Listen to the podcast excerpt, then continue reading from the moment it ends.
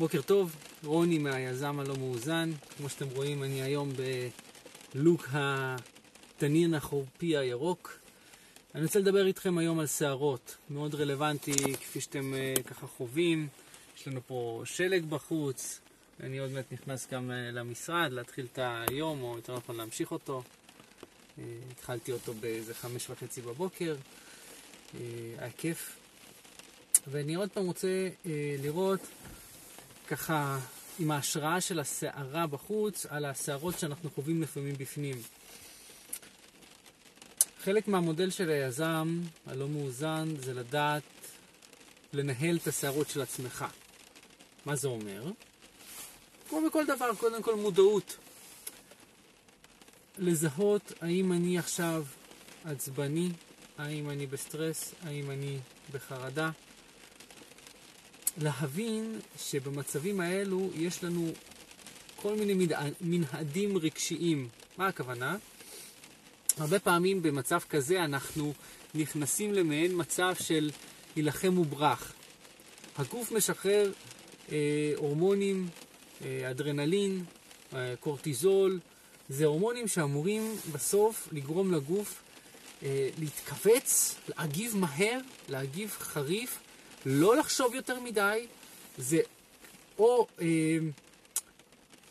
לברוח ולרוץ נורא נורא מהר ולקפוץ מעל גדר שלא חשבתם שאתם יכולים לקפוץ, או להילחם על חייכם. זה אינסטינקט של הטבע.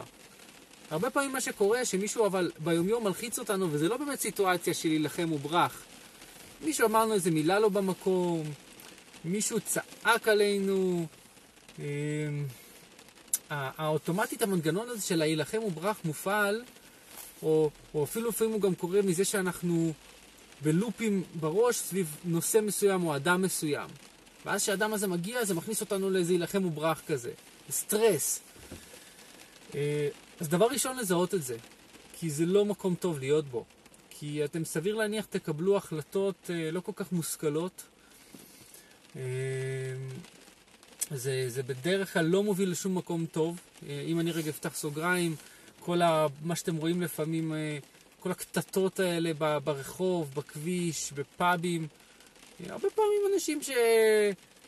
אה, מה שנקרא, תוך שנייה הניצוץ הזה מעלה אותם מ-0 ל-100 והם מוכנים להסתכן בעבר פלילי, לעשות מישהו נכה, כי, כי המוח הקדמון הזה של ה...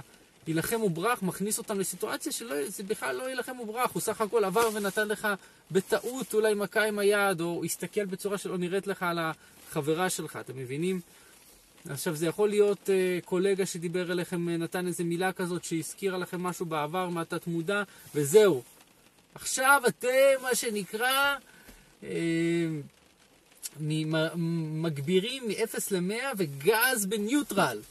אתם צועקים, והקלטות בוואטסאפ, וכעס, ושיגעון, ואיך הוא עצבן אותי.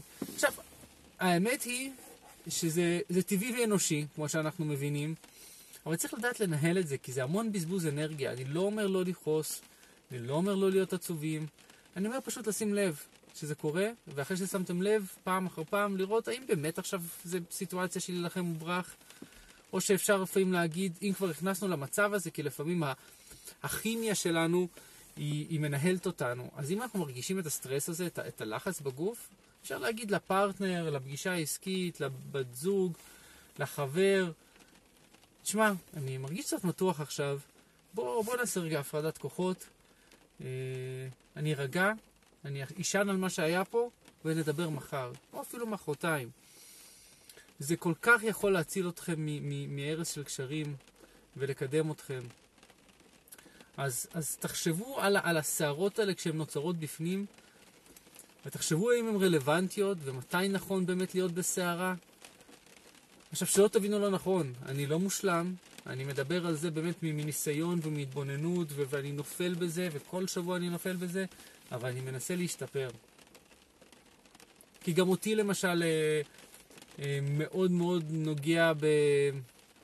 בסף אה, לא נעים כשמישהו צועק עליי או מרים את הקול, או שמישהו אגרסיבי, או שמישהו לא מכבד את הזמן שלי. אה, ואני גם מנסה לנשום לתוך זה. אני בן אדם בסוף. אני לא יזם מאוזן, אני יזם לא מאוזן. אני עובד על האיזון כל הזמן. זהו חברים, אני מקווה שהוצאתי אתכם עם יותר שאלות מתשובות, ואם זה כך אז כנראה שנתתי ערך. אה, אם אהבתם את זה אני אשמח שתיתנו לייק פה בסרטון ביוטיוב או פאלו בספוטיפיי, תעבירו לחבר או חברה שזה יכול לעזור להם. אה, אין פה שום אפסל להמשך, אני באמת מנסה להעביר הלאה את החוויות היומיומיות שלי. תודה רבה שהקשבתם, שהייתם קהל כזה טוב. אני מאחל לך ולך יום נפלא, שאחרי הסערה יבוא שקט ונתבונן בו, והסערה הרבה פעמים מנקה, עושה קלירינג. להתראות.